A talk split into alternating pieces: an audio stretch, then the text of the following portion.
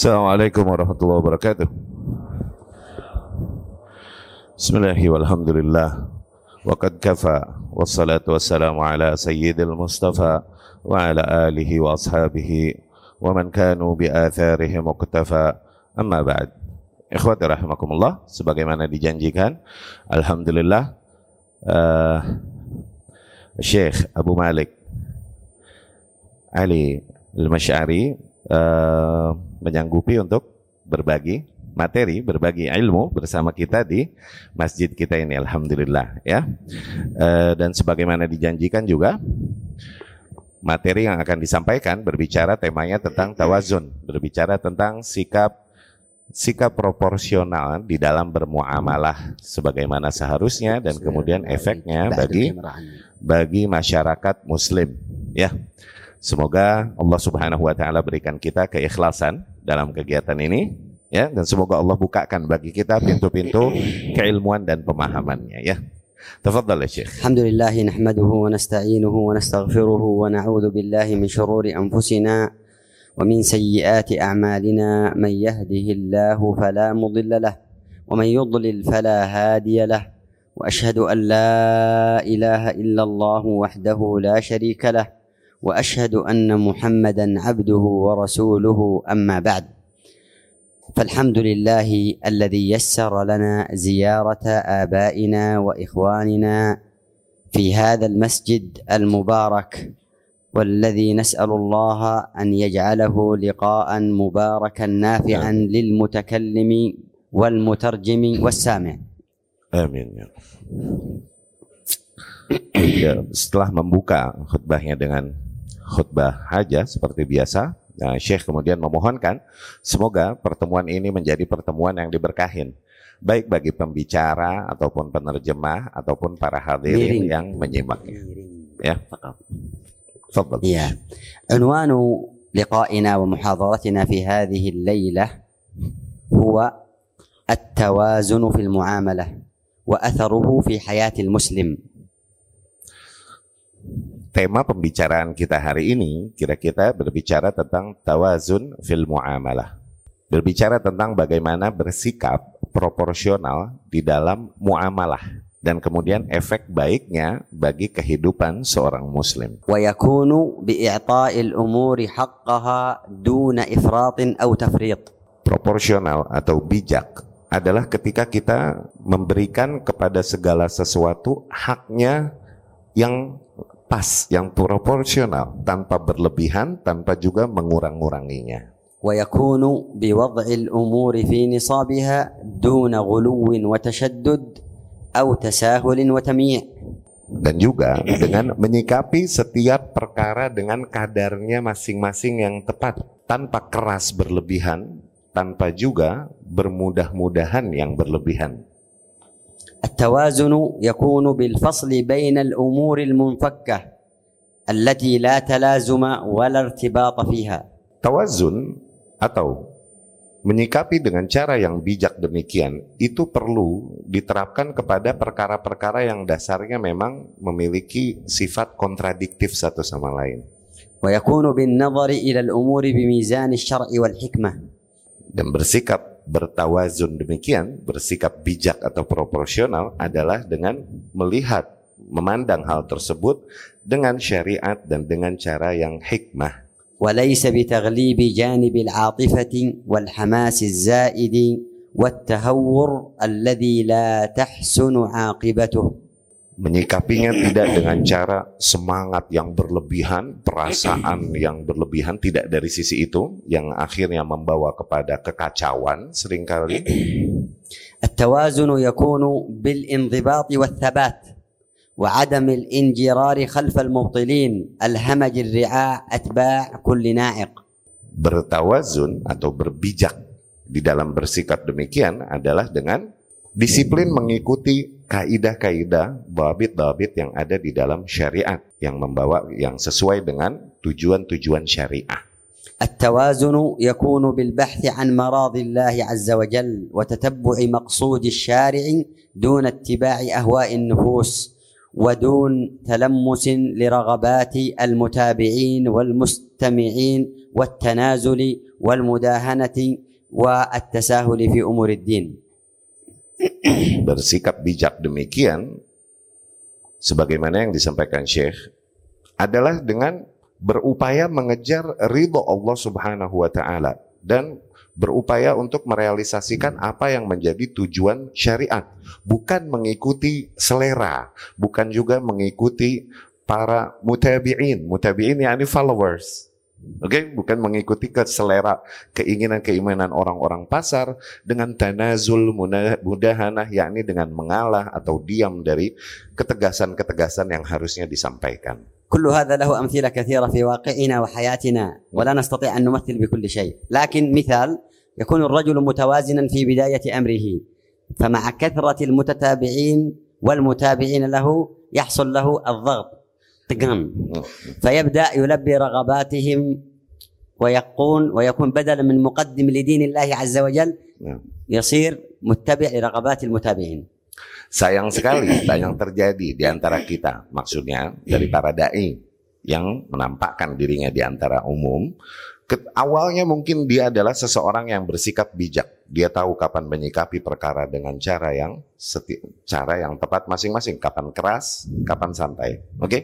Namun seiring dengan banyak jumlah followersnya, dan tuntutan para manusia kepadanya, akhirnya kalah jiwanya. Dan kemudian lebih condong dia untuk mengikuti dan memelihara apa yang menjadi selera para followersnya, para pengikutnya. Huna yafqidu tawazun.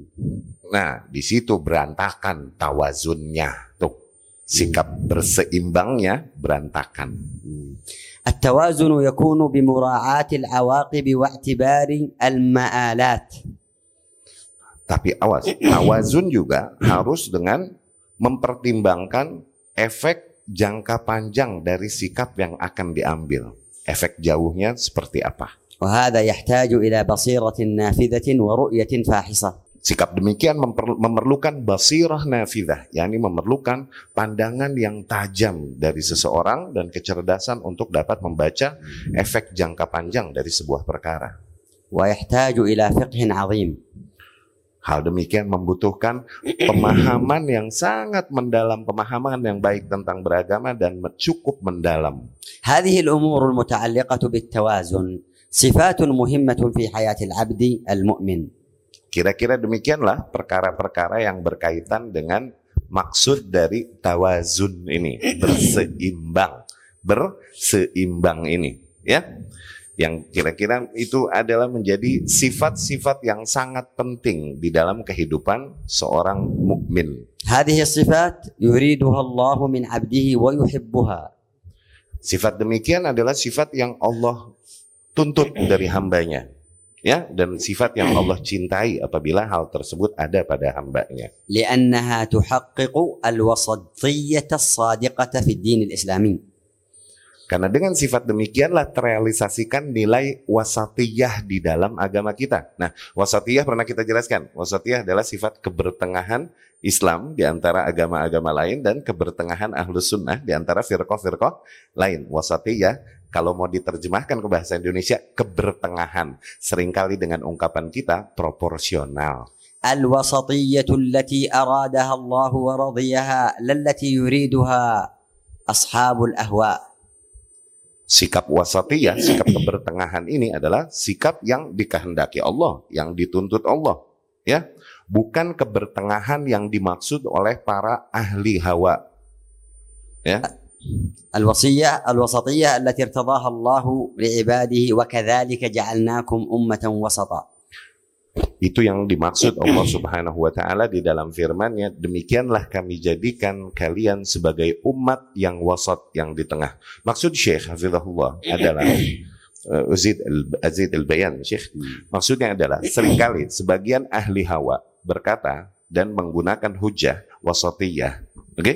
Bertengah-tengah. dengan itu mereka mau mencoba mengambil jalan tengah antara hak dan batil. Salah. Ketika urusannya hak dan batil, jangan sok-sokan di tengah. Ambil barisan hak. Oke? Okay? Wasatiyah tidak demikian. Wasatiyah adalah hak yang hak ini senantiasa berada di di tengah di antara dua kutub kebatilan. Awas. Wasatiyah bukan antara hak dan batil tapi di antara dua kutub kebatilan. Tafadhal ya Syekh. هذا باطل. سيسي sisi lain batil Hmm. di mana setengah ini هذا وسط. بعض الناس لا يترك الباطل. Hmm. الذي في هذا Ghulu. الطرف. ولا يترك ولا يترك الباطل الذي في هذا الطرف. يأتي إلى الباطل هذا وإلى الحق هذا. ويقول أنا وسط. setengah Tuh. Ya begitu udah. Ana ya Syekh. Ah. Bayantu hadha. saya menjelaskan Barakallahu fi. Seumuran sih. Jadi begini nih. Ini batil, ini batil. Zen, nah hak di sini selalu di tengah. Adapun urusannya, ketika antara hak dan batil, jangan sok-sokan di tengah. Oke? Nah ini wasatiyah yang dimaksud ahlul hawa. Ama wasatiyah ahlul haq. Eh, enak. Di antara dua kebatilan. Wadih insyaallah, Syekh. فهذه هي الوسطيه التي جعل الله اهلها عدولا خيارا Ja'ala ahlaha الله جعل امته عدولا خيارا ada اي وسطا Fahim. Eh, sifat wasatiyah inilah yang Allah dengannya Allah menjadikan umatnya eh, umat Muhammad sallallahu alaihi wasallam umat yang udul, umat yang the best of ummah, khiyaran. Ya, dengan sifat ini yang ada pada mereka. Tafadhal. التوازن انواع متفاوته ومجالاته متعدده Bersikap seimbang demikian ini banyak macam-macamnya dan di banyak aspek juga penerapannya. وقد يوفق الله العبد للتوازن في جميع المجالات او اغلبها او بعضها Terkadang Allah Subhanahu wa taala memberikan taufik kepada seorang hamba untuk bersikap bijak demikian di beberapa aspek saja, tidak di aspek yang lain. لان التوازن نوع من الهدايه والارشاد والتوفيق والسداد من الله عز وجل Karena bersikap bijak demikian, bersikap proporsional, bagaimanapun itu di antara bentuk hidayah yang datang dari Allah Subhanahu wa taala. بقدر توازن العبد تكون سعادته وفلاحه وريادته وانشراحه وصلاحه وهدايته واستقامته وتوفيق الله عز وجل وتوفيق الله عز وجل له Kemudian kebaikan-kebaikan yang ada pada diri seseorang, seorang hamba, happiness-nya, kebahagiaannya. Oke? Kemudian eh, lurusnya jalannya di atas hak dan lain-lain.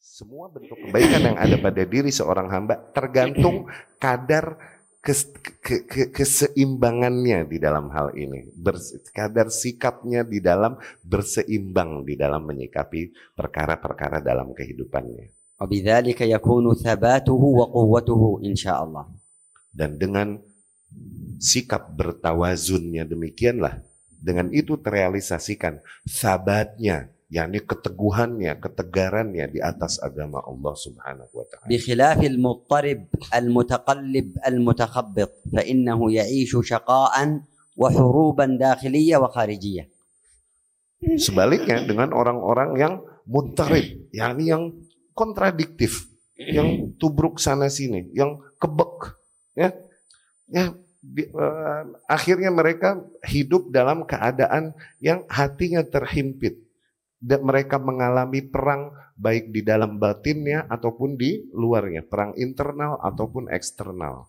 لا يعرف متى يتقدم ومتى يتأخر لا يعرف متى يتكلم ومتى يسكت لا يعرف متى يقبل ومتى يرفض Orang demikian nggak tahu kapan dia harusnya maju, kapan dia harusnya mundur. Nggak tahu kapan dia bicara, kapan dia diam. Dia nggak tahu kapan dia menerima, kapan dia menolak. Karena nggak memiliki fikih ini untuk bersikap bijak demikian. Dia nggak tahu menyikapi setiap perkara dengan kadarnya yang tepat masing-masing. Kapan usul, bagaimana menyikapinya. Kapan perkara furu, bagaimana menyikapinya. Begitu. وقد يتكلم في وقت السكوت فيه أنفع من الكلام Orang demikian kadang di antara errornya, dia justru seringkali berbicara di waktu-waktu yang padahal apabila dia diam lebih tepat di waktu tersebut. ويتقدم في وقت التأخر فيه أفضل Atau dia maju di waktu-waktu yang di mana harusnya lebih tepat dia mundur pada saat itu. As'adun nasi hum ahlu tawazuni wa tawassuti wal i'tidal. Orang-orang yang paling berbahagia adalah orang-orang yang memiliki sifat tawazun demikian di dalam dirinya, di dalam jiwanya, yang di mana dia fair, adil di dalam kehidupannya. Alladzina istamaddu tawazunahum واعتدالهم من كتاب الله وسنة رسوله صلى الله عليه وسلم Di mana mereka menyimpulkan sikap bijak mereka tersebut bukan dari hawa nafsunya, namun melainkan dari kitabullah dan dari sunnah Rasulullah sallallahu alaihi wasallam. اللهم صل وسلم عليه فالتوازن الحقيقي يكون بالحق والعدل Bersikap berseimbang demikian, bersikap bijak demikian, Oke, okay? adalah bersikap yang berangkat dari keadilan. Bersikap yang eh, sebuah sikap yang berangkat dari adil, yang berangkat dari keadilan dan berangkat dari hak yang seharusnya.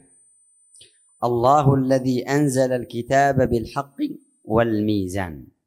Allah berfirman, Allah lah yang menurunkan Alkitab, yakni Al-Quran, bil haq, membawakan nilai-nilai yang hak dan mizan, ya dengan timbangan.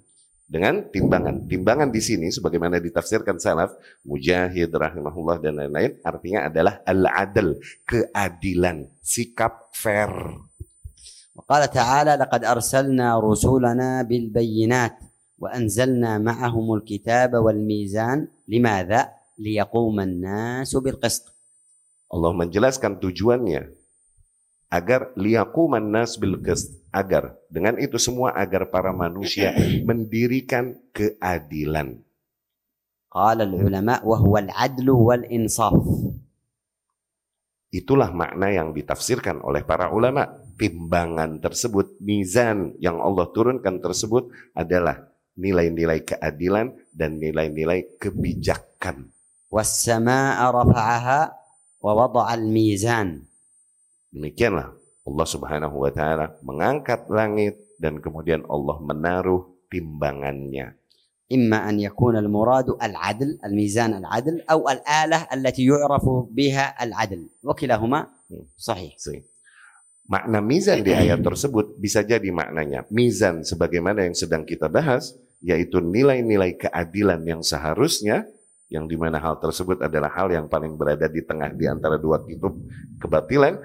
Atau mizan yang dimaksud adalah sebagaimana mizan yang pernah kita bahas di akidah ahlus sunnah. Kita meyakini adanya mizan adanya timbangan nanti yang dengan itu ditimbang amalan-amalan hamba. Fakullu tawazunin wa'tidalin la yuwafiqul kitab was sunnah fahuwa zulmun wa jawrun wa haifun وهو توازن مزعوم مدعى ليس حقيقيا Maka setiap sikap bertengah atau setiap sikap yang seolah-olah bijak, seolah-olah sikap yang bijaksana, namun tidak sesuai dengan kitabullah dan sunnah Rasul Sallallahu Alaihi Wasallam, maka hakikatnya hal tersebut adalah kebatilan. Hanyalah kebijaksanaan yang dusta. التوازن يجعل صاحبه يمشي على طريق قويم وصراط مستقيم Bijak demikian membuat seorang hamba bersikap bijak demikian membuat seorang hamba atau orang yang membawa sifat tersebut berjalan di atas jalan yang lurus yang seharusnya. بحيث لا يطغى عنده جانب على جانب أهم منه Orang demikian tidaklah akhirnya dominan satu sisi daripada sisi yang lain, senantiasa seimbang. فالمتزن يعطي كل شيء حقه بدون زيادة ولا نقصان Nah, tawazun tadi adalah sifat berangkat dari masdar, masdar. Mutazin orangnya, orang yang memiliki sifat tawazun, mutazin. Oke? Seorang yang memiliki sifat demikian, dia mengedepankan perkara-perkara yang seharusnya dikedepankan dan mengakhirkan perkara-perkara yang emang seharusnya diakhirkan. Min adillati dzalik qaul Nabi Nabi sallallahu alaihi wasallam inna li nafsika alayka haqqan wa inna li dhayfika alayka haqqan wa inna li zawjika alayka haqqan wa inna li aynika alayka haqqan ila akhir al-hadis. Di antara dalil hal tersebut adalah sabda Nabi sallallahu alaihi wasallam, sesungguhnya dirimu memiliki hak atasmu. Demikian matamu memiliki hak atasmu. Demikian istrimu memiliki hak atasmu. Atau sebagaimana yang disabdakan Nabi Sallallahu Alaihi Wasallam. Muttazin yuqaddimu ma haqquhu taqdim wa yuakhiru ma haqquhu ta'khir. Demikian seorang yang bijak. Sekali lagi kita tegaskan, dia adalah orang-orang yang tahu Dia orang yang mengedepankan hal-hal yang memang seharusnya dikedepankan. Dia mengakhirkan perkara-perkara yang memang seharusnya diakhirkan. ويهتم بما يستحق الاهتمام Dia memberikan perhatian kepada perkara-perkara yang memang layak untuk mendapatkan perhatian.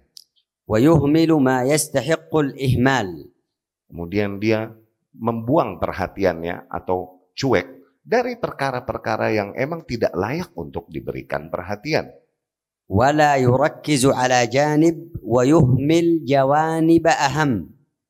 Orang yang bijak demikian adalah orang yang tidak memberikan fokus kepada satu sisi, padahal ada sisi lain yang lebih penting yang harusnya diberikan perhatian. Falahu fil ilmi wa ta'allumi nasib wa waqt.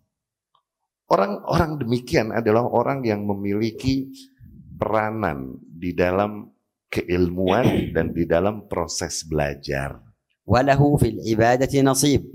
Demikian juga dia adalah orang yang memiliki kadar yang baik di dalam beribadah. Walahu fit ta'awun wan naf' lil akharina nasib. Dia adalah orang yang memiliki Eh, peranan yang baik di dalam bekerja sama dengan orang-orang lain. Walahu ma'a ahlihi nasib. Demikian dia adalah juga orang yang berperan dengan baik di hadapan keluarganya. Zawjatihi wa auladihi wa walidayhi. Istri-istrinya, anak-anaknya. Dan eh, uh, zaujat wala zaujat. Istri. Wahid bas? Satu aja? Dua istri-istri, tiga. Zain, zain. Bukan bukan urusan saya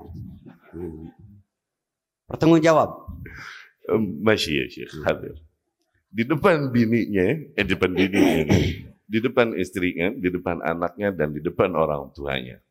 Maksudnya adalah, Azid bayanan ya Syekh, orang yang mutazim demikian, orang yang faham priority scale, orang yang memahami skala prioritas.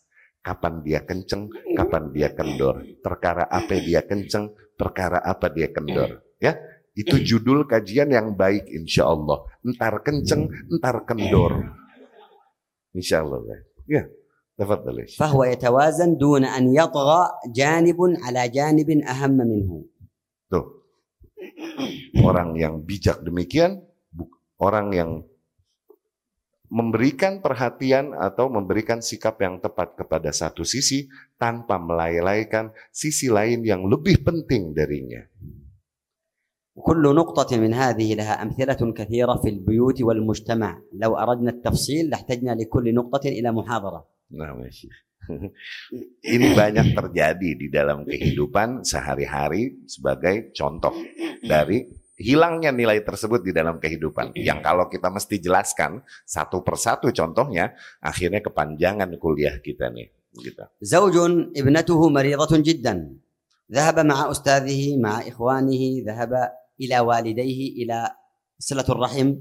Oke. Okay. Wataraka ibnatahu al-maridah jiddan fil bait. Misal. Contoh. Contoh, ya. Seseorang dia keluar meninggalkan rumahnya dalam rangka bersilaturahmi kepada keluarganya. Padahal di rumahnya anaknya sedang sakit butuh kehadiran dan perhatiannya. Ya. Dia nggak paham mana skala prioritas. Mana yang lebih wajib untuk dia berikan perhatiannya dan waktunya. Contohnya begitu. Lanjutkan. Eh? Lanjutkan. Bakiya tarjamah. Dahaba ila ustadihim. Barakallahu fikum. Cari masalah ya Syekh. مم. Cari masalah. ذهب إلى أستاذه ذهب إلى صديقه وتأخر معهم في الليل ولم يرجع إلى بيته مبكرا Tuh. No, orang malah keluar dari rumahnya, pergi majelis sama ustadznya, majelis sama sohib-sohibnya. Pulangnya udah malam banget, padahal anaknya sakit di rumah. Isi karena kita kesudun. karena kita kesudun. Kayak kayak lagi ngomongin kita ya. ada Ada udang di balik batu. Faraja'a ila baitihi mutaakhiran. Dia pulang malam banget ke rumahnya. Dia marah. Marah-marah dia. Ya. Pulang dalam keadaan marah. Anta, anta, anta, anta. Taghdab minhu. Nah, terus dimarahin lah. Disalah-salahin. Huwa inda abih. هو عند أمه هو في درس هو يقول أنت لا تريدين أن أتعلم أنت لا تريدين أن أجلس مع أصدقائي أنت لا تريدين أن أبر أبر بوالدي Nah, kemudian dia beralasan. Ketika istrinya menyalahkannya karena dia pulangnya larut malam padahal anaknya sakit, kemudian dia menyalahkan istrinya balik. Apakah kau tak mau aku menuntut ilmu? Kau tak mau aku bersilaturahmi kepada ayah dan ibuku? Kau tak membolehkan aku untuk bersi- be- eh, bertemu dengan kawan-kawanku? Begitu.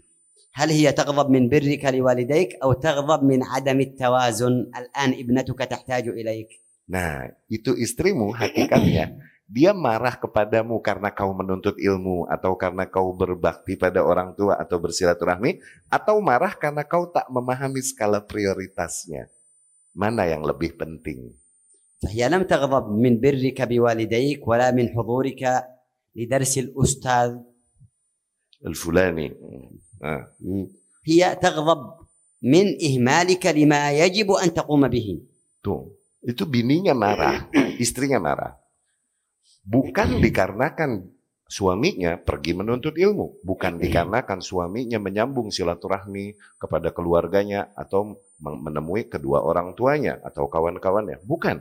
Tapi istrinya marah dikarenakan dia memang meremehkan nilai hal-hal yang seharusnya dia berikan perhatian lebih. Dia nggak memahami skala prioritas tersebut. تطلب منه أن يشتري بعض الآلات للبيت التي يحتاجونها فيقول ليس عندي مال الآن بعد أيام يذهب رحلة جلن-جلن wisata Contoh lain, misal istrinya minta beberapa hal yang perlu untuk di rumahnya, minta be- minta beliin beberapa hal yang diperlukan untuk di rumahnya, perkakas dan lain-lain. Dia bilang nggak punya fulus, nggak punya duit. Eh tahunya nggak lama dia pergi malah jalan-jalan. Noh, الآن خرج المال الآن وجد المال للرحلة giliran buat jalan-jalan ada no fulusnya, begitu. المقصود أمثلة كثيرة جدا المقصود أن كثيرا من المشاكل بين الزوجين بين الإخوان بين الأصدقاء سببها عدم التوازن Demikian. Maksudnya banyak sekali permasalahan di dalam kehidupan, baik di dalam keluarga, baik di lingkungan sosial, baik antara ikhwan. Yang menjadi sebab intinya seringkali adalah di mana seseorang tidak bisa bersikap bijak. Maknanya di dalam hal ini tidak memahami skala prioritas. الشخص المتزن تجده لا يشدد في موضع لا يستحق التشدد Seseorang yang memiliki sikap bijak demikian, dia akan kau akan melihat orang demikian, dia tidak berkeras di dalam perkara-perkara yang memang tidak layak untuk ngegas di situ. ولا يس ولا يتساهل في موضع يستحق التشديد والجزم والحزم Dan dia juga tidak والجد eh, tidak bermudah-mudahan di dalam perkara-perkara yang memang harusnya dia ngegas di situ. سريوس Serius, آه. gitu ya Syekh. طيب فهم Ngegas, ngegas ya fahamun ya Syekh. آه واضح Fahamun ya لا. Syekh. طيب Asyan gaul. أشد من ذلك أنه يتساهل في موضع التشديد ويشدد في موضع التساهل Lebih parah lagi orang yang berantakan, yang kebek, yang ngaco. Oke? Dia ngegas dia berkeras-keras di tempat-tempat yang harusnya dia santai di situ, jangan dibawa keras. Di tempat-tempat yang harusnya dia tegas dan keras di situ, malah dia bermudah-mudahan dan bertoleransi di situ. الشخص المتزن لا يقدم الفرض نفل على الفرض Nah, seorang yang memiliki pemahaman yang bijak dengan baik demikian, mereka adalah orang-orang yang tidak akan mengedepankan hal-hal yang sunnah daripada hal yang wajib. ولا يهتم بالمال ويهمل الدين والعرض Orang yang tak akan memberikan perhatian lebih kepada harta dan kemudian melalaikan nilai-nilai beragama. الشخص, Maksudnya nilai beragama lebih penting daripada harta. Gitu. الشخص المتزن لا يهتم بالعادات والآداب Oke. في باب العادات ويهمل الأمور المتعلقة بالدين التي هي أهم وأوجب Orang yang bijak demikian memiliki sifat bijak demikian bukanlah or- eh, eh, mereka tidak akan memberikan perhatian lebih, effort lebih kepada perkara-perkara yang sifatnya adat dan tradisi dan kemudian mem- mem- memberi yakni tidak memberikan perhatian dan cuek kepada perkara-perkara yang sifatnya nilai-nilai beragama. tidak cocok, tidak sesuai. Tidak karena fi babil adab. Hmm. Yushaddid. La, tidak sesuai, tidak cocok, tidak adab. Tidak karena fi babil din, tidak boleh. Akal ahamiyah min tidak cocok. Misalnya, di dalam perkara-perkara adat dan tradisi, dia kenceng. Ketika ngelihat orang melanggar, langsung dia ingkari. Gak boleh begini, gak boleh begitu, gak cocok, gak sesuai Dalam perkara adat dan tradisi. Tapi di dalam perkara agama, hal-hal yang harusnya dia ingkari dan dia tekankan, malah dia berikan toleransi berlebihan. Tuh. الشخص المتزن في نظره ورأيه لا يبادر إلى الكلام في كل مسألة Orang yang memiliki sifat bijak demikian, baik di dalam ucapannya ataupun amalannya, kita akan lihat mereka adalah orang yang tidak selalu berusaha untuk berbicara di dalam setiap perkara. Dia nggak selalu mencelupkan dirinya ke dalam setiap permasalahan. Tidak ikut campur. Nggak ikut campur. Ayo. Orang demikian adalah orang yang memahami kadar dirinya. ويدرك حده الذي يجب إليه أن يجب يجب أن يقف عنده. Orang yang memahami batasan dirinya batasan-batasan yang harusnya dia berhenti di situ.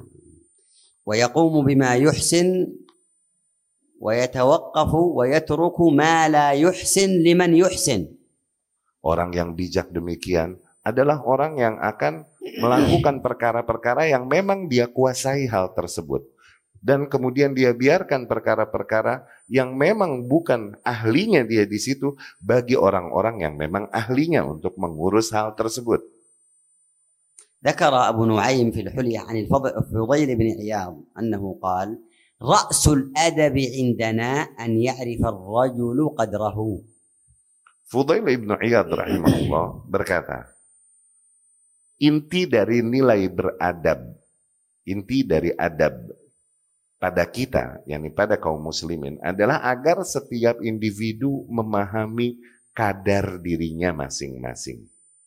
الشخص المتزن في كلامه وتقريره لا يعاجل بالكلام Seorang yang muttazin demikian, seorang yang memiliki sifat bijak demikian, dia tidak bersegera atau terburu-buru untuk berkomentar di dalam setiap permasalahan.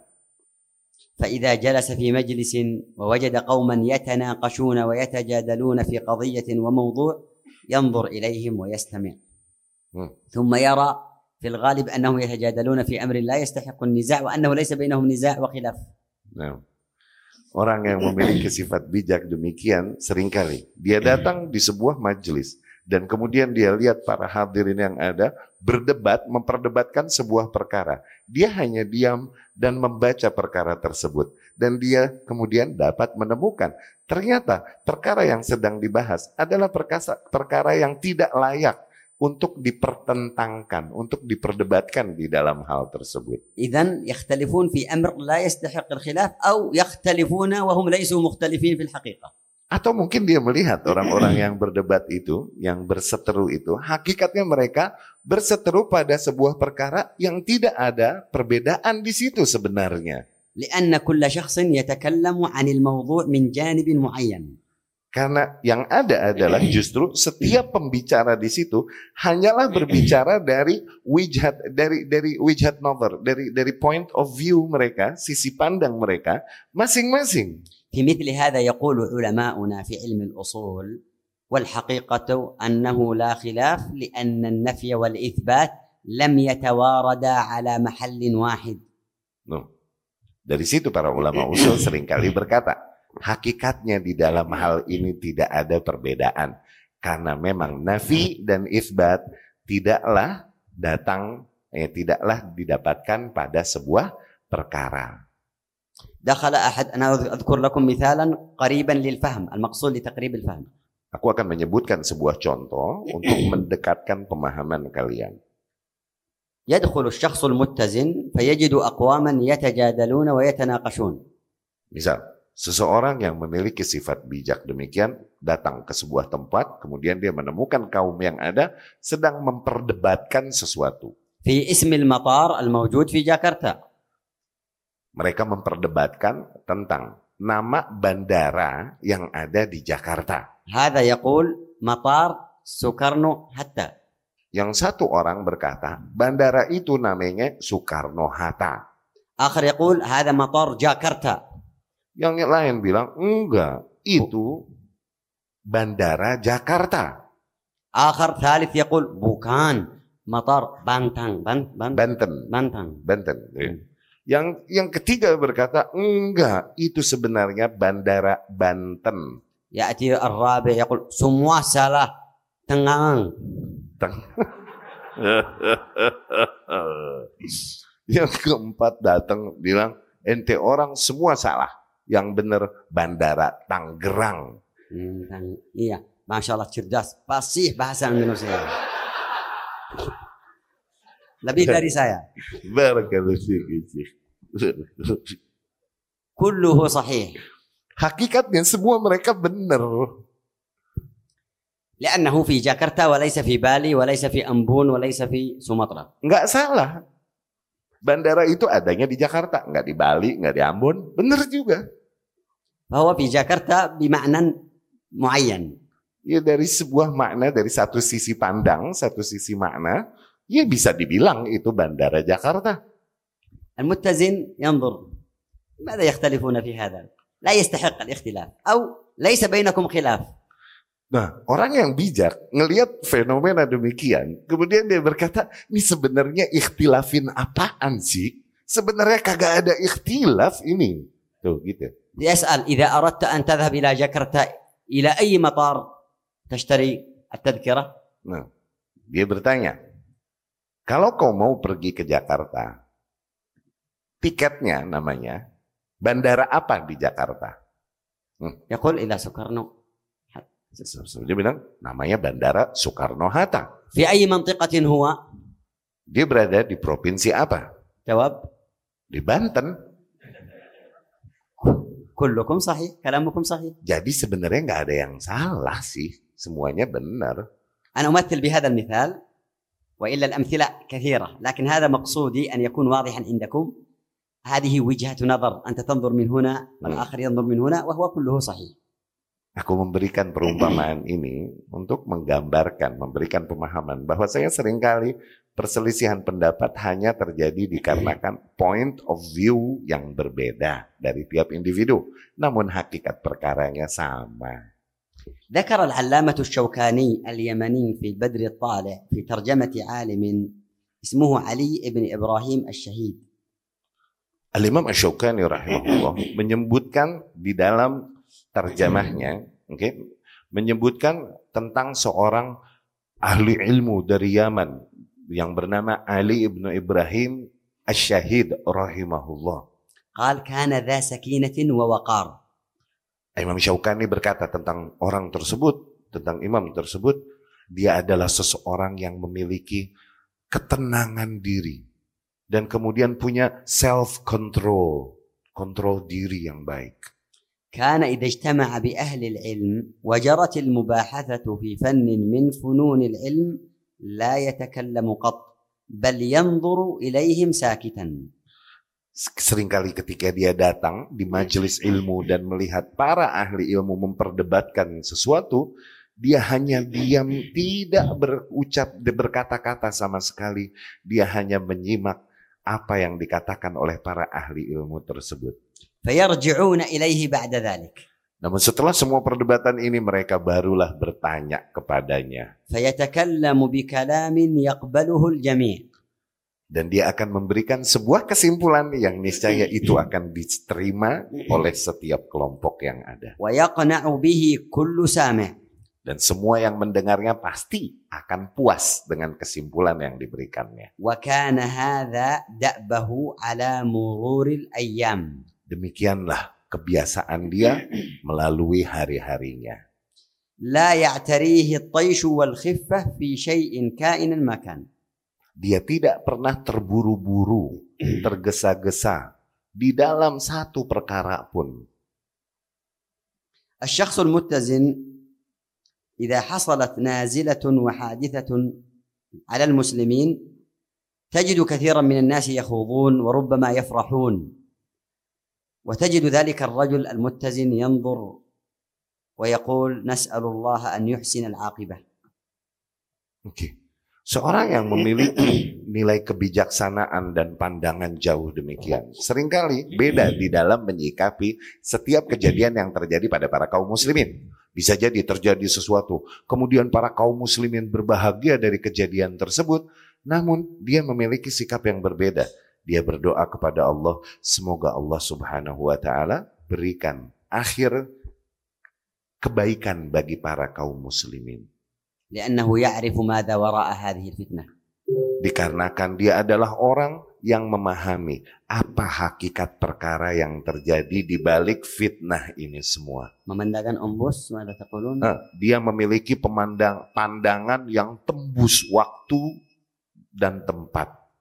الشخص المتزن قاعدته قول النبي صلى الله عليه وسلم احرص على ما ينفعك أخرجه مسلم من حديث أبي هريرة Demikian tadi dijelaskan oleh Syekh. Seseorang yang memiliki nilai kebijakan demikian dalam jiwanya dan pandangan yang tajam dan jauh sering kali melihat setiap fenomena yang terjadi berbeda dengan umumnya manusia. Bisa jadi terjadi sebuah musibah yang para kaum muslimin bersedih dari situ dan kemudian terbakar perasaannya di situ. Dia melihatnya sesungguhnya perkara yang terjadi tidak seperti zahirnya. Karena dia mengetahui hakikat perkara di baliknya. Atau sebuah musibah yang para kaum muslimin berbah sebuah kejadian yang para kaum muslimin berbahagia dari hal tersebut, dia melihatnya sebaliknya. Karena dia dengan ketenangan hatinya, dia dapat melihat hakikat perkara yang terjadi di balik apa yang tampak di mata umumnya kaum muslimin. Ya, demikian seorang yang memiliki sifat bijak demikian juga orang yang berangkat dari kaidah yang disampaikan oleh Nabi Shallallahu Alaihi Wasallam di riwayat Imam Muslim, ihris ala ma yanfa'ak. yakni lakukanlah upaya untuk memberikan perhatian, perhatikan, berikanlah perhatian kepada hal-hal yang memang mendatangkan manfaat bagimu, bermanfaat bagimu. فهو يحرص على كل ما ينفعه حقيقة في دينه ودنياه maka dia adalah orang yang senantiasa melakukan upaya atau memberikan effort, memberikan upaya untuk mendatangkan kebaikan-kebaikan, manfaat-manfaat baik dalam dunianya baik bagi dunianya ataupun agamanya. Di ilmihi wa amalihi. Dia memberikan upaya, memberikan upaya dan perhatiannya baik di dalam ilmunya ataupun amalannya fi salahi qalbihi wa zakati nafsihi. Dia melakukan upaya, usaha untuk melakukan perbaikan terus bagi hatinya dan bagi kesucian jiwanya. Yabhathu anin najati wal makhraj 'inda Allah 'azza wa jalla. Dia senantiasa mengejar, melakukan upaya untuk mengejar keselamatan di sisi Allah Subhanahu wa taala kelak. ولا يلتفت إلى نصائح المخذلين والمثبطين الذين يستعملون هذا الحديث في غير موضعه تأتي تتكلم في أهل البدع المنحرفين الذين أضروا بالدين احرص على ما ينفعك احرص على ما ينفعك Nah, orang yang memiliki sifat bijak, anubayyin lahum bighati ya Syekh. Eh, Orang yang memiliki sifat bijak dan pandangan yang tajam demikian, dia tidak memberikan perhatian kepada nasihat-nasihat khianat, nasihat-nasihat palsu yang diberikan oleh sebagian orang yang mau mematahkan dakwah. Sebagian orang mau mematahkan dakwah bagi seorang misalnya penuntut ilmu atau seorang ahli ilmu. Dia mengingkari ahli bid'ah dan menjelaskan kebid'ahan-kebid'ahan, menjelaskan syubhat yang ada. Oke? Seseorang datang seolah-olah menasehati, jangan berikan perhatian kepada hal tersebut. Upayakan saja hal-hal yang emang ada manfaatnya bagimu. Tuh, memalingkan dia dari hal yang hak yang harusnya dia lakukan. Nah, orang yang memiliki nilai kebijakan demikian nggak bakal denger nasihat pengkhianat kayak nasihat khianat kayak begini. وهم يريدون صده وإبعاده عن معرفة مناهج أهل الانحراف Hakikatnya dia menghendaki agar terjauhkan para kaum muslimin dari mengenal manhaj-manhaj kelompok-kelompok yang menyimpang. نعم هو متزن يعرف القدر الكافي لنجاته من هذه المذاهب والمناهج المنحرفة Ya, dia adalah seorang yang mungkin bijak. Dia mengetahui mm, kadar yang cukup tentang kelompok-kelompok yang menyimpang tersebut untuk keselamatan dirinya. ولا يهمل عبادته وزكاة قلبهم dan dia tidak meremehkan sisi sisi ritualnya, ibadahnya dan tidak juga dia meremehkan sisi men- pensucian jiwanya. بخلاف كثير مما يحصل مما نراه ممن يركز على جوانب أهل الانحراف ويعطيهم وقتا كثيرا ويهمل قلبه ويهمل عبادته ويهمل ذكر الله عز وجل ويهمل الغذاء لقلبه الذي به تستقيم أحواله Nah, ini fenomena yang banyak terjadi. Seringkali beberapa kelompok yang memberikan perhatian untuk mengingkari, menjelaskan penyimpangan kelompok-kelompok yang menyimpang, seringkali mereka kemudian lalai kepada ibadahnya sendiri. lalai dari sisi tazkiyatun nufus, mensucikan jiwanya, membersihkan hatinya. Dia lalai dari hal-hal yang seharusnya dia kejar sebagai makanan bagi jiwanya sendiri. Yuhmilu alaqatahu bi rabbih wa tilawata kitabih wa dzikrahu wa syukrahu wa husna ibadatih.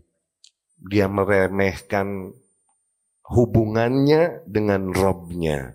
Dia meremehkan membaca kitab Robnya. Ya, dari zikir dan lain-lain. Dia meremehkan sisi itu dan memberikan fokus kepada pengingkaran kelompok-kelompok yang menyimpang. هذا نوع من العلم أن تعرف مناهج أهل البدع وأن تعرف الحق بدليله لكنك إذا طغيت وزدت فيه وأهملت ما يجب عليك صرت غير متوازن Nah, bukan nggak penting, penting. Dan itu adalah sebuah keilmuan yang penting untuk mengetahui konsep-konsep atau pemikiran-pemikiran kelompok-kelompok yang menyimpang penting. Namun apabila dengan itu kau memberikan perhatian lebih, kemudian kau melalaikan sisi yang sifatnya untuk perbaikan dirimu sendiri, perbaikan hati, pensucian jiwamu, dengan itu akhirnya kau menjadi seseorang yang tidak lagi mutazin, enggak seimbang lagi. Walasta mahmudan fi hadhihi sifat Akhirnya tercelaklah kau tidak terpuji dengan kondisi demikian. Al-mahmudu inda Allah azza wa jal man athna alaihi Allah azza wa jal. Dan orang-orang yang terpuji di sisi Allah Subhanahu wa taala adalah orang-orang yang Allah berikan sanjungan ke atas mereka. Di surat Zumar, yaqul Allah Subhanahu wa taala Dalam surat Zumar Allah Subhanahu wa taala berfirman Amman huwa qanitun ana al-laili sajidan wa qa'ima Amman huwa qanitun ana al-laili. Mereka siapa di antara mereka yang qanit ana al-lail mereka bangun di, di di di malam hari kemudian dalam keadaan eh, sujud takut kepada Rabbnya.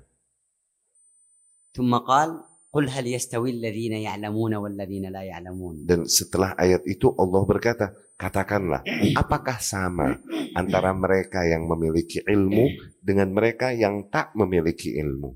تعلم وقنوت في الليل وتهجد وعبادة وذكر maka dari situ dapat nilai yang seimbang dari Allah SWT. Dorongan kepada dua sisi yang seimbang. Satu sisi didorong untuk mengejar ilmu, dikarenakan dimuliakan nilai keilmuan di situ. Tapi satu sisi juga didorong untuk menghidupkan ibadah, pendekatan diri, perbaiki memperbaiki hubungan kita dengan Rob dengan menghidupkan malam tak tunduk dan sujud kepada Allah Subhanahu wa taala. Tawazunun bainal ilmi wal amal. Demikianlah keseimbangan antara ilmu dan amal. الآن بعد الصلاة السلام عليكم ورحمة الله السلام عليكم ورحمة الله هكذا على طول مم. هذا موجود كثير كثير يا شيخ في بعض المستقيمين tuh begitu jal eh apa dah misal misal ikhwan ikhwan mustaqim masya Allah abis sholat nih Assalamualaikum warahmatullahi Assalamualaikum warahmatullahi Langsung. Begitu, langsung memberikan perhatian kepada hmm. gadgetnya. Tidak begitu. Anta kata Assalamualaikum warahmatullahi warahmatullah thumma ya'khudh ambil. La, Assalamualaikum warahmatullahi warahmatullah. Assalamu. Oh, kira. Ya. Bahkan salam kedua belum kelar dia sekalian Assalamualaikum sambil ngeluarin hati. Hmm. معناه تعهو لكن بيدا ها؟ أيوه. بربيدا بيدا بيدا. نعم شيخ أنا اللي اخطات معلش. في الليل يقرأ ويكتب ويرسل إلى الواتساب تليجرام تويتر إلى آخره إلى الساعة الثانية في الليل الثالثه في الليل ثم ينام بدون وتر. malam begadang dia WhatsAppan dia tulis WhatsAppan dia tulis Telegraman apa Instagraman medsosan terus sampai jam 2 malam jam 3 malam terus dia tidur enggak witir sama sekali هذا الرجل جيد أحيانا بعضهم ينام عن صلاة الفجر bahkan هذا جيد إذا كان وتر فقط eh, هذا جيد وليس جيد لكن م. نقول جيد عن قبله anggaplah الذي ينام عن صلاة الفجر ya nam يترك فرض Nah. malah kadang gara-gara itu seringkali nggak sholat subuh akhirnya هذا من عدم التوازن وهذا أمر مخيف جدا itu Khatir, adalah di antara Nah, itu di antara di antara contoh-contoh fenomena tidak bertawazunnya seseorang di dalam beragamanya, di dalam kehidupannya dan itu adalah perkara yang sangat menakutkan dan sangat berbahaya. وهذا من أسباب عدم انتفاعنا بالعلم Dan itu juga di antara sebab-sebab di mana kita tidak bisa mengambil manfaat dari ilmu yang kita raih. لأن كثرة هذه الأمور والنظر فيها وإدخالها إلى الفكر تفسد صفاء العقل وتفسد صفاء القلب Kasrah hadhil umur yakni minal WhatsApp wa ghairha. نعم كثرة المحادثات Dikan, nah, dikarenakan banyaknya kegiatan-kegiatan medsos, komunikasi dan lain-lain demikian masuk ke otak kita, ini menghilangkan kejernihan berpikir kita. Sehingga dengan itu kita tidak bisa mengambil atau mendapatkan manfaat dari ilmu yang telah kita dapatkan. يبدأ بسماع محاضرة ودرس من قناة تتك تتك ثم ثم ينتهي في قناة أخرى قاطر Kotor, ish. وسخ Oh, misal dia dia dia buka muhadharah kuliah di satu link dia ngikutin perkuliahan yang ada setelah itu dia buka-buka channel-channel yang nggak seharusnya yang kotor katanya يفقدك التركيز على ما ينفعك هذه الأمور والدخول فيها Ya, بكثرة eh, eh, ke- kegiatan demikian atau perkara-perkara demikian menghilangkan konsentrasi darimu, menghilangkan kemampuan berkonsentrasi dan fokus dari dirimu. الآن كثير من الإخوة قد دخلوا يسمعون المحاضرة من الرابط لينك Nah, وهو يسمع مم. وهو يسمع المحاضرة الآن nah, nah. Hmm. تليجرام واتساب Aduh. Banyak ikhwan kita ya. Padahal dia lagi hadir muhadoroh, lagi dengerin muhadoroh. Cuman tangannya nggak berhenti tuh. Dilihat telegramnya, whatsappnya, dan medsos-medsosnya. Padahal dia lagi hadir dan duduk lagi dengerin muhadoroh. Kaifa sanantafi' bil ilm? Orang demikian gimana mau mengambil manfaat dari ilmunya? Jika kana hunaka qissa? Nah, giliran ada sesuatu yang lucu disampaikan syekhnya atau ustadznya, baru dia ngasih perhatian begitu. Lu banget dah udah. وإذا سمع الناس يضحكون يقول ماذا ماذا قال Tuh, tuh. Kalau ngedengar orang pada ketawa, baru dia ngasih perhatian. Eh, apa dah? Apa dah? Begitu.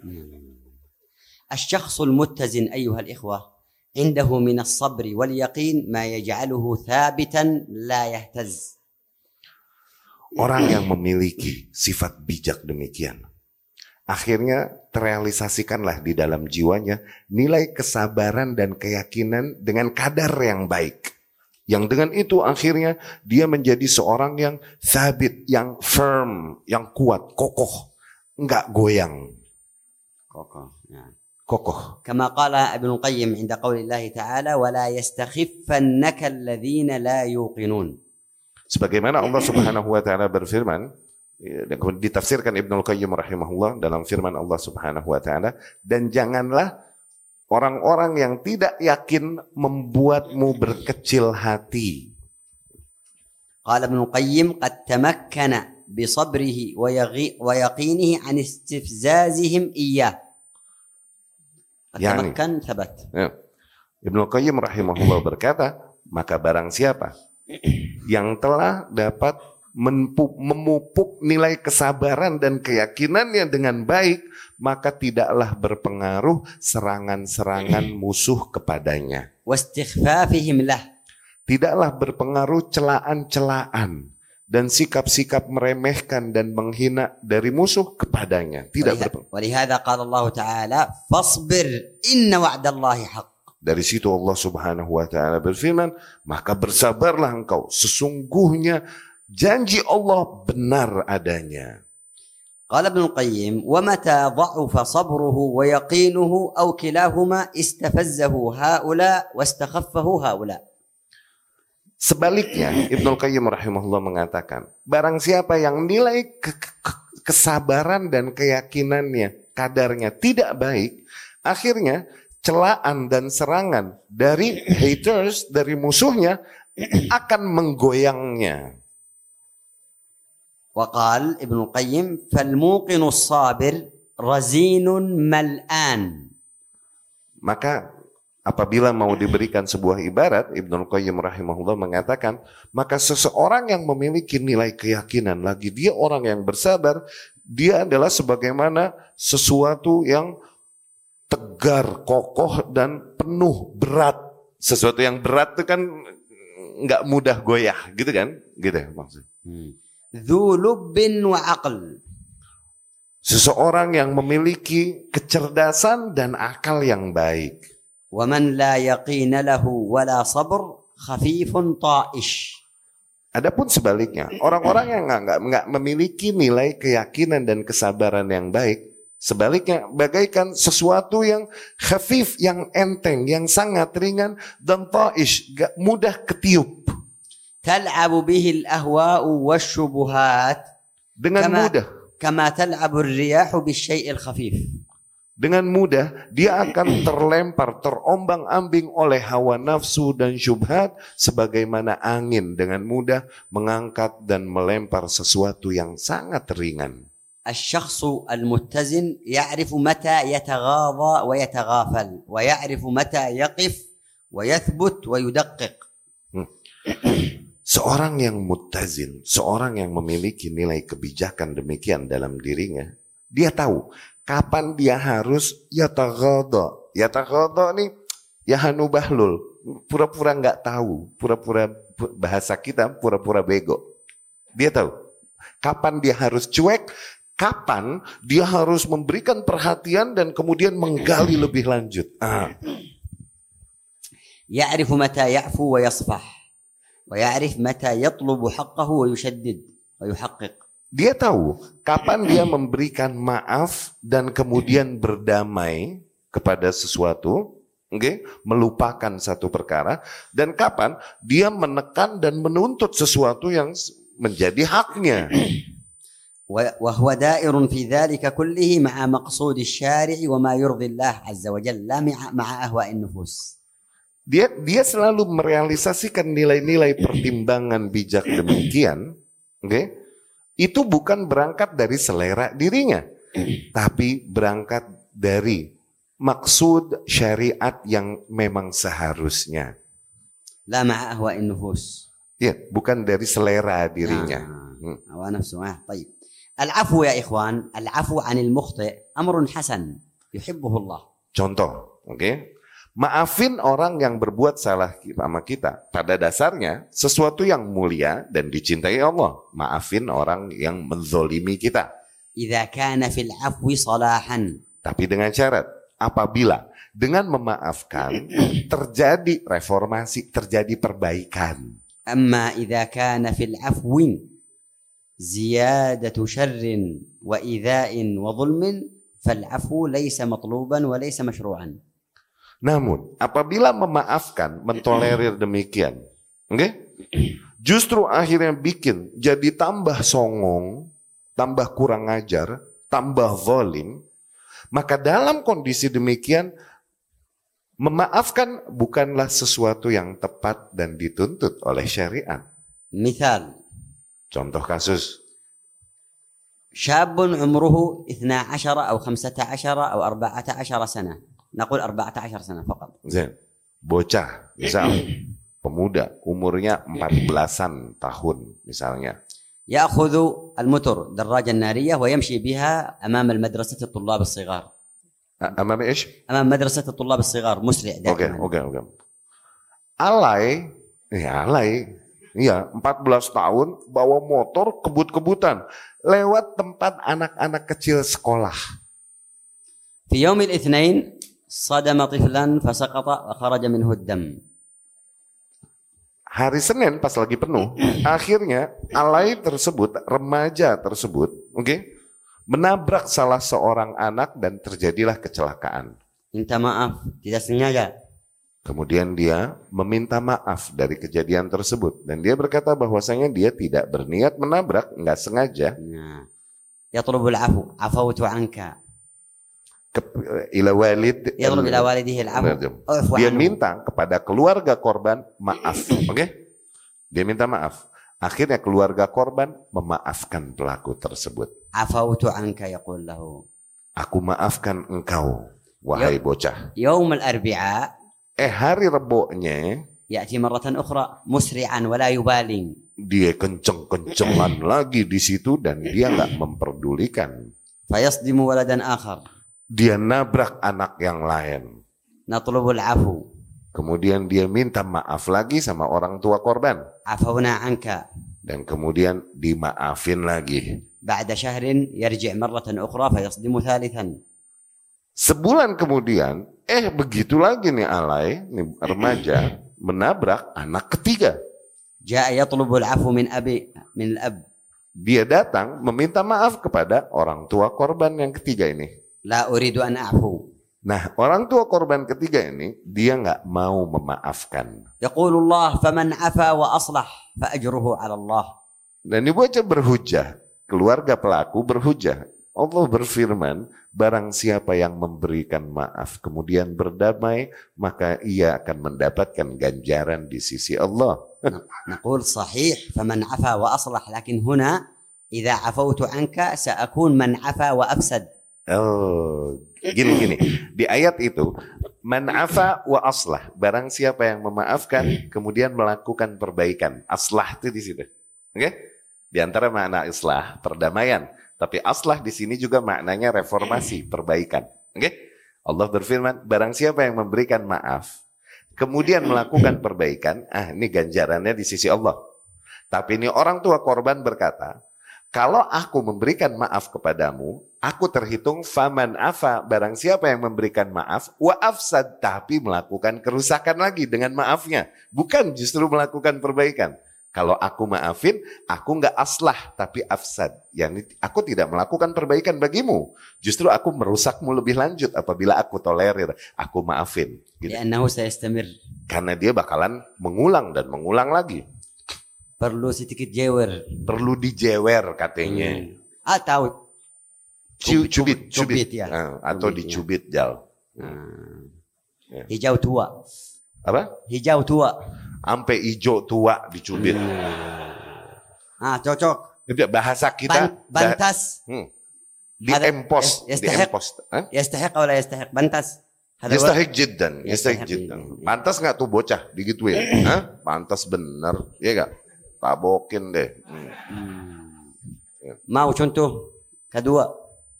Eh, mau. Mau contoh yang kedua? Iya untuk menggambarkan sikap yang bijak dan tepat.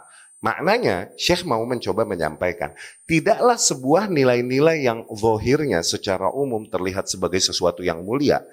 Tidaklah hal ini senantiasa tepat apabila diterapkan di setiap kasus. Enggak mesti selalu begitu, gitu. Memaafkan mulia, mulia. Tapi ada beberapa kasus justru memaafkan jadi merusak, gitu. Ya, sebagaimana marah, marah salah, adalah kesalahan, sesuatu yang buruk. Tapi di beberapa kasus marah adalah sesuatu yang dituntut. Ini yang coba digambarkan oleh Syekh. Misal Rasul berkata jangan kau marah, jangan kau latak dob, latak dob, latak dob. Tapi di dalam jihad, ente mau sambil senyum-senyum? Marah sikot. Ini maksudnya yang mau coba digambarkan Syekh. Nilai-nilai yang mulia tidak senantiasa dia mulia apabila diterapkan di setiap waktu, di setiap kondisi. Nggak selalu harus demikian. Ini maksudnya proporsional. Misalun thani. Contoh kedua. Akhar ya'khudul amwal min al-akharin. Dain. Maling. Malam-malam. Seseorang mencuri malam-malam. Thumma ya'bathu biha fi umurin laysat daruriyah wa laysat muhimmah. Kemudian digunakan harta tersebut untuk foya-foya bukan hal yang sifatnya Ya'ti primer, bukan hal yang sifatnya perlu. يأتي موعد سداد الدين وإرجاعه وإرجاعه لا يرجع المال. شيخ كنتم قلتم السرقة مش لا لا دين دين الدين طيب عفوا أنا salah dengar seseorang pinjam duit bukan maling malam-malam pinjam duit dari orang kedua. Oke, okay? kemudian uang yang ada ini digunakan untuk sesuatu yang sifatnya foya-foya, bukan hal-hal yang penting dan urgent di dalam kehidupannya. Sehingga datang deadline baginya untuk mengembalikan utangnya, dia nggak bisa balikin utangnya. Terus? Memberi harapan palsu, PHP. PHP itu. Ya. تعرف PHP إن شاء, إن شاء besok ماذا عندكم besok besok آه ترسك ترسك ترسك ترسك ثم يأخذ من آخر مالا ويعبث به و PHP. Ya. Giliran ditagih, ya, ditagih utang, dia tarsok tarsok, ntar besok, ntar besok. Eh dia ngutang lagi sama orang kedua, dipakai lagi foya-foya, ditagih tarsok tarsok lagi. Tarsoknya nih entar besok, entar besok, begitu. هذا تركه هكذا سيأخذ أموال الناس بالباطل Apabila kita biarkan orang demikian terus begini, yang ada dia akan banyak memakan harta manusia dengan cara yang batil. وما أكثر الذين يطلبون المال اسمه دين وحقيقته mencuri. Mencuri. Hmm. Berapa banyak orang yang datang dengan hujah minjem uang, namun hakikatnya dia sedang mencuri. Ini hutan, ini mencuri. Tuh, zohirnya seolah-olah dia datang minta hutang. Padahal di balik batunya dia mau mencuri. Dia nggak berniat untuk mengembalikan hutang. المقصود أن المتزن يعرف متى يصفح ويعفو ويعرف متى يطالب بحقه ويشدد. Maksudnya adalah seorang yang memiliki sifat mutazin demikian terazun memiliki sikap yang bijak berangkat dari pemahaman agama yang baik ini, dia adalah orang yang tahu kapan dia menuntut balas, kapan dia mentolerir dan memberikan maaf. Kapan dia memutihkan hutangnya, kapan dia menuntut hutangnya, menuntut apa yang menjadi haknya. Dia tahu. Syakhsul muttazin yasluku tariq al-i'tidal ma'al muhibbi wal mubghid. Hmm. Fala yadhlimu ahadan seorang yang bijak demikian, yang bersikap proporsional, dia berjalan di dalam jalan yang lurus dan adil dan proporsional di dalam menghadapi lovers ataupun haters, menghadapi musuh ataupun menghadapi kawan. Dia tidak menzolimi sisi manapun. يوجد رجل لا يرتاح لي لكنه رجل صالح يجب ان احبه dia melihat misal, ada seseorang dia tidak menyukaiku, oke? Okay? Tapi dia orang yang saleh aku akui, gitu. Maka seorang yang bijak dia sadar bagaimanapun aku harus mencintainya dikarenakan nilai agama yang baik yang ada padanya maksudnya itu bikhilafi ahwalina rajul as-sayyi li'annahu beda sama kebiasaan kita sering kali kita menyukai orang-orang yang kita tahu dia buruk. Kenapa kita menyukainya? Dikarenakan kita tahu dia soalnya suka sama kita. Begitu. Dia followers kita. Dia likers kita. ولذلك تتعجب ان فلان يكون مع فلان وينصره ويحترمه ويعظمه مع انه ليس مناسبا له Dari situ seringkali kita lihat. Si Fulan yang kita lihat Masya Allah. Kok bisa dia membela si Fulan. Membela si Alan. Oke? Membelanya, menolongnya. Dan begitu hangat bersamanya. Padahal dia adalah orang yang kita tahu kerusakannya. يقول ابن تيميه رحمه الله ومن سلك طريق الاعتدال ومن سلك طريق الاعتدال Ibnu Taimiyah rahimahullah berkata, barang siapa yang menempuh jalan yang lurus ini yakni mengambil sikap yang fair, yang adil demikian. Azzama man yastahiqqu at-ta'zim wa walah wa ahabbahu wa walah. Azzama man yastahiqqu at-ta'zim wa ahabbahu wa walah. Maka dia akan senantiasa memberikan pengagungan kepada orang-orang yang emang layak untuk mendapatkan pengagungan. Dia akan memberikan pembelaan kepada orang tersebut karena memang dia adalah orang yang layak untuk diberikan pembelaan. Dia adalah orang yang senantiasa memenuhi hak bagi setiap orang-orang yang memiliki hak tersebut. Maka dengan itu, orang yang bijak demikian berjalan di atas jalan yang lurus, yang bijak demikian dia akan mengagungkan yang hak dan merahmati makhluk. الشخص المتزن عنده بصيرة ونور يهتدي به في ظلمات الفتن بإذن الله عز وجل Seorang yang memiliki sikap bijak demikian, berangkat dari pemahaman yang baik tentang beragama, dia memiliki cahaya seolah-olah di yang di mana cahaya tersebut kelak akan membimbingnya di dalam kondisi gelapnya fitnah yang terjadi. بخلاف من عدم البصيرة وخذله الله فإنه يتخبط ويضطرب Ber- sebaliknya, orang yang tidak memiliki basirah, orang yang tidak memiliki sikap bijak adalah orang yang tidak memiliki basirah, tidak memiliki pandangan yang tajam dan jauh.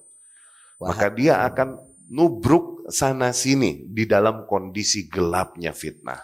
وهذه الصفة علامة عدم البصيرة كما قال ابن القيم Nah, sikap demikian yang ada pada diri seseorang adalah di antara ciri sebagaimana Ibnu Qayyim katakan rahimahullah, ciri tiadanya basirah pada diri orang tersebut. Ikhwah, basirah kalau disebutkan secara bahasa artinya pandangan, penglihatan itu basirah. Tapi basirah ketika dimaksudkan demikian adalah pandangan eh, yang baik, yang tajam, yang melebihi sesuatu yang hanya tampak di depan mata, lebih jauh. Gitu, itu basirah maksudnya. Dan itu di antara bentuk hidayah yang datang dari Allah subhanahu wa ta'ala. Ibnu Qayyim yaqul, alamatu adamil basirah.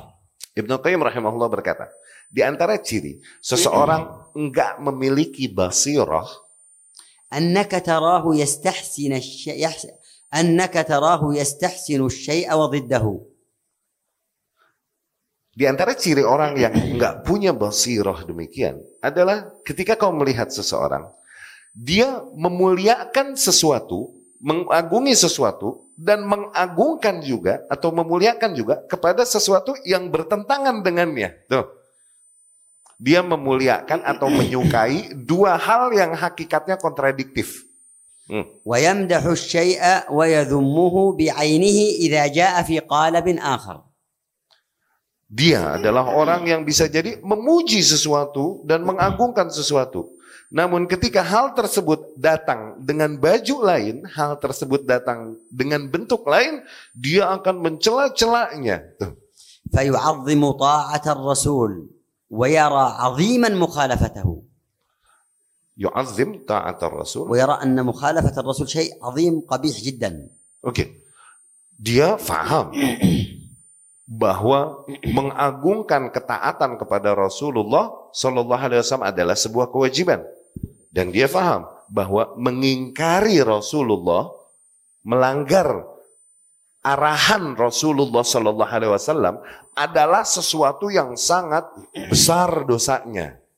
ثم هو من أشد الناس مخالفة له للرسول Tapi di waktu yang sama orang tersebut adalah ternyata di antara orang yang paling menghilafi sunnahnya Rasulullah Sallallahu Alaihi Wasallam di dalam kehidupannya. ونفيا لما أثبته Adalah orang yang paling menafikan dari menafikan hal-hal yang Rasul Shallallahu Alaihi Wasallam tegaskan.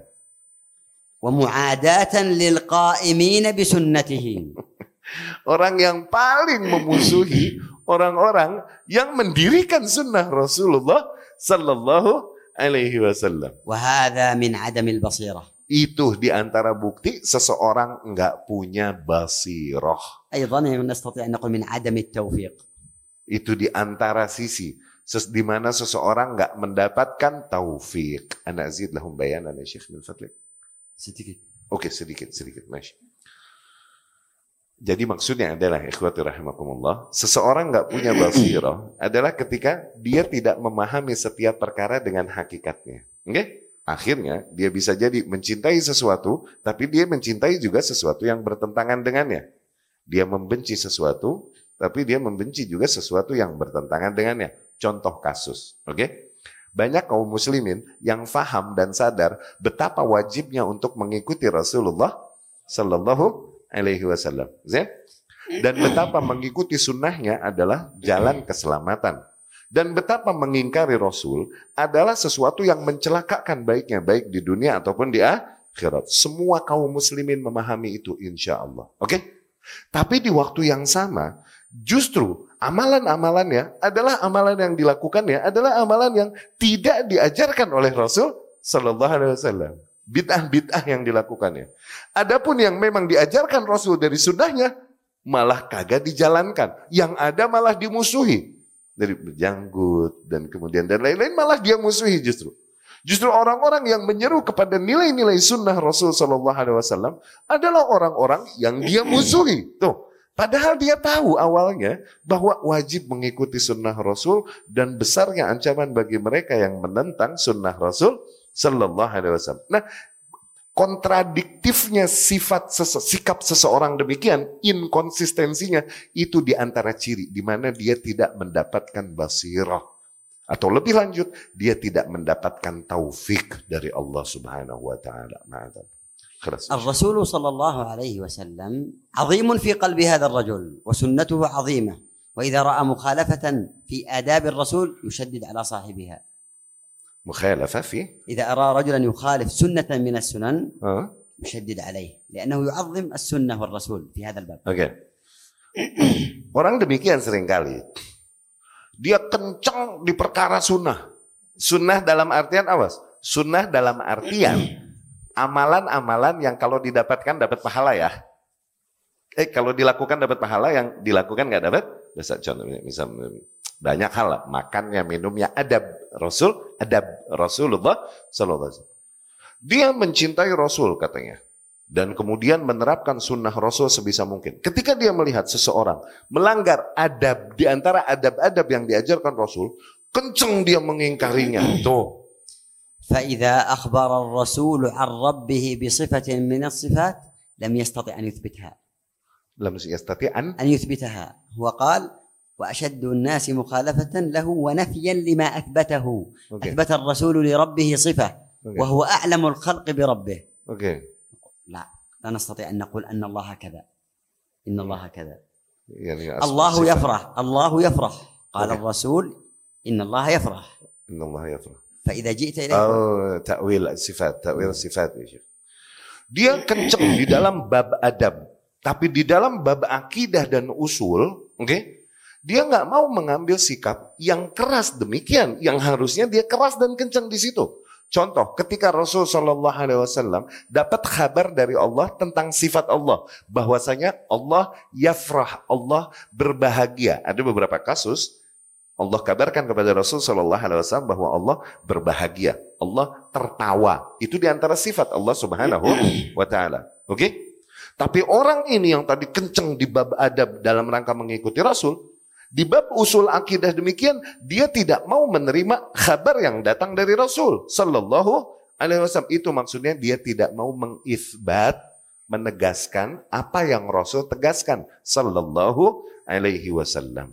يعظم الرسول فإذا قال الرسول اصبر لا يستطيع أن يقول بهذا الدليل اصبر على الظلم اصبر على كذا Dia mengagungkan Rasulullah Sallallahu Alaihi Wasallam. Oke? Namun ketika Rasul Sallallahu Alaihi Wasallam di antara ajaran-ajarannya memerintahkan dia untuk bersabar dalam hal tersebut, dia memilih untuk tidak bersabar. بقي مجالات وأبواب كثيرة في باب التوازن لكن لعلي أقتصر على باب أو بابين فقط يعني يعني تخفيفا على الإخوة Insya Allah. نعم Masih banyak sisi yang bisa dibahas dari berbicara tentang sikap bijak demikian. Tadi maksudnya adalah sikap di mana seseorang yang tahu mengikuti sunnah Rasul Shallallahu Alaihi Wasallam. Oke, kenceng di perkara adab dan furu. No, tapi giliran di perkara yang sifatnya harusnya ditekankan keras. Okay? Seperti bab usul akidah tentang sifat-sifat Allah Subhanahu wa taala, malah dia nggak mau mengambil ajaran Rasul dalam hal itu gitu. Malah bermudah-mudah atau malah meninggalkannya karena tidak sesuai dengan seleranya. Begitu maksudnya. At-tawazun 'inda ahli sunnah fi bab al-i'tiqad amthilatuhu kathirah. Bersikap bijak. Demikian bersikap proporsional bagi para ahlu sunnah di dalam bab akidah banyak contohnya. التوازن في المعاملة مع حكام المسلمين أمثلته كثيرة Demikian juga bersikap bijak atau proporsional di dalam menyikapi para penguasa kaum muslimin banyak contohnya.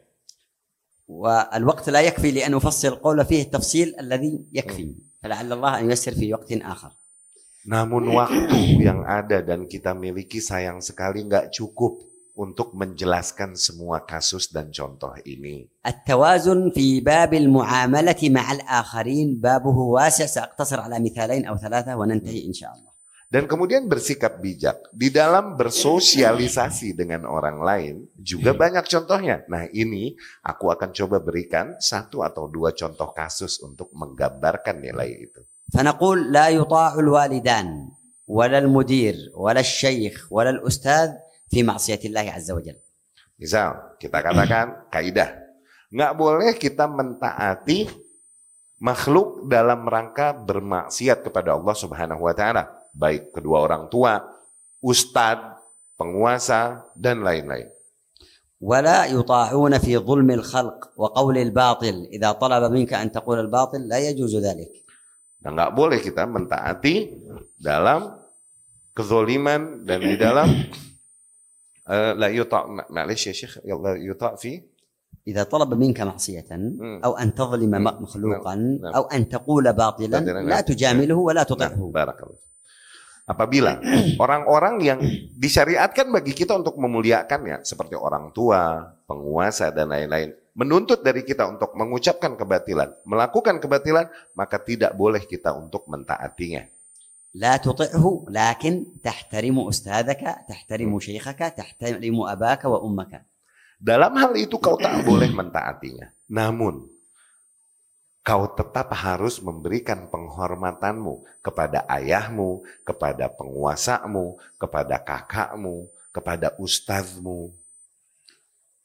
فتعرف له قدره وتحترمه ولا تتابعه في خطئه Sehingga dengan itu kau mengakui dan menempatkannya pada tempatnya. Mengagungkannya dan menempatkannya pada tempatnya dan tidak kau mengikutinya di atas kesalahannya. Bal lau kana al-walidu walidatu kafiran bah, la.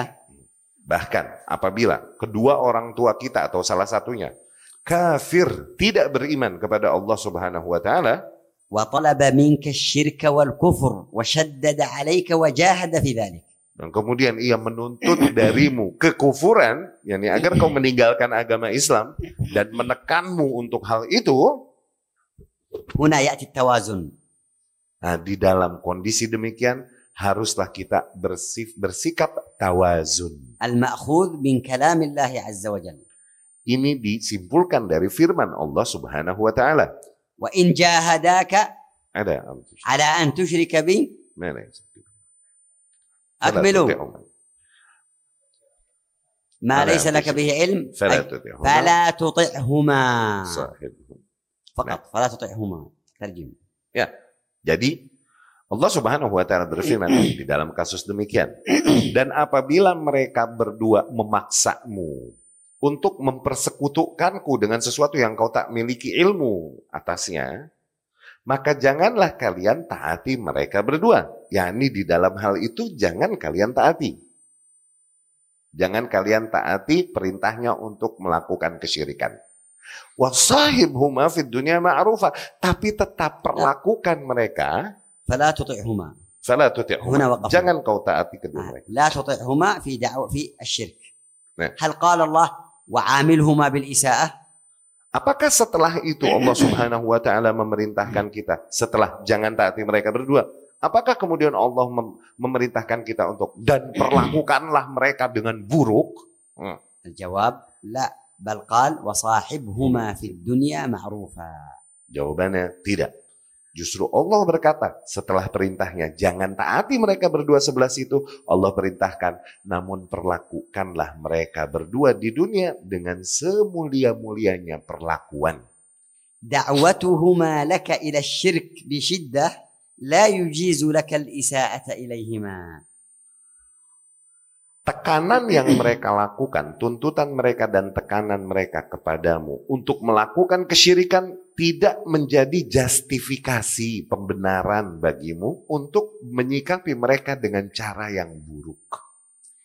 مصاحبتك لهما بالمعروف لا يعني أن ترضيهما وتغضب الله Sebaliknya, memperlakukan mereka dengan cara yang ma'ruf, dengan cara yang mulia, juga bukan maknanya dengan itu kau mendatangkan kemurkaan dan amarah Allah Subhanahu wa taala. قال ابن حجر البر والصلة والإحسان. Ibnu Hajar berkata rahimahullah, bir, perbuatan baik dan menyambung silaturahmi dan يقصد buat ihsan. للوالدين الكافرين. المقصود. oh, مقصوده oh, oh, yani albab البر الوسيلة؟ والصلة والإحسان. والإحسان. Hmm. مقصوده للوالدين الكافرين. Hmm.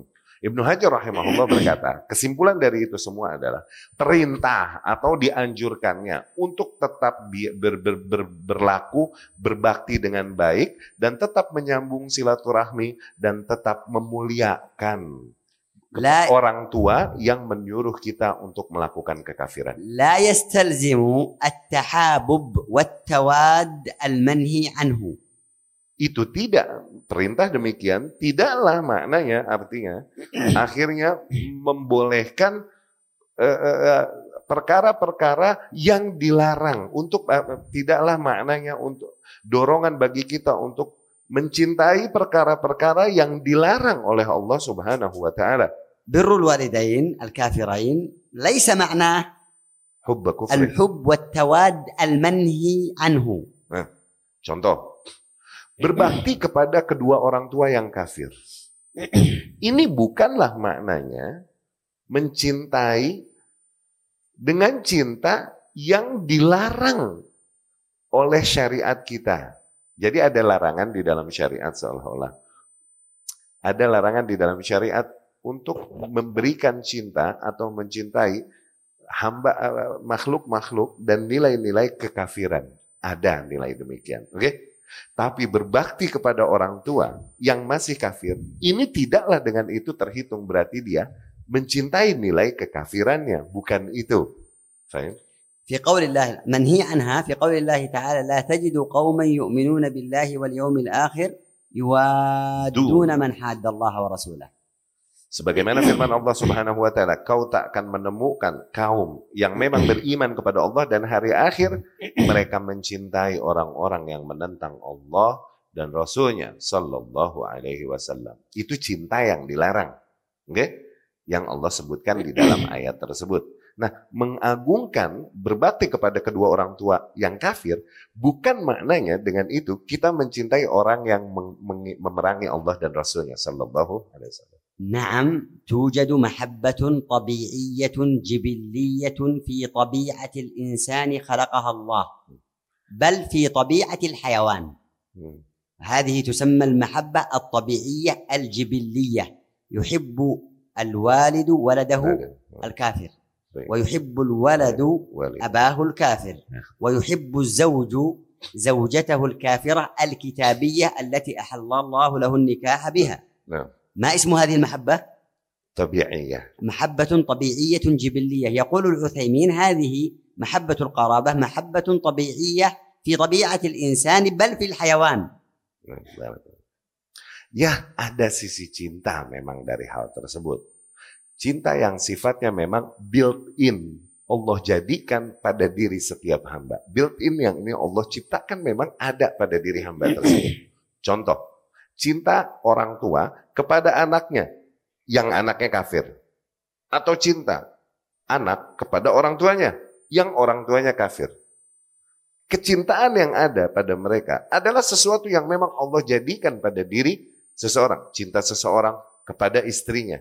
Ini hal yang Allah ciptakan pada hati dan jiwa seseorang. Bahkan pada para hewan.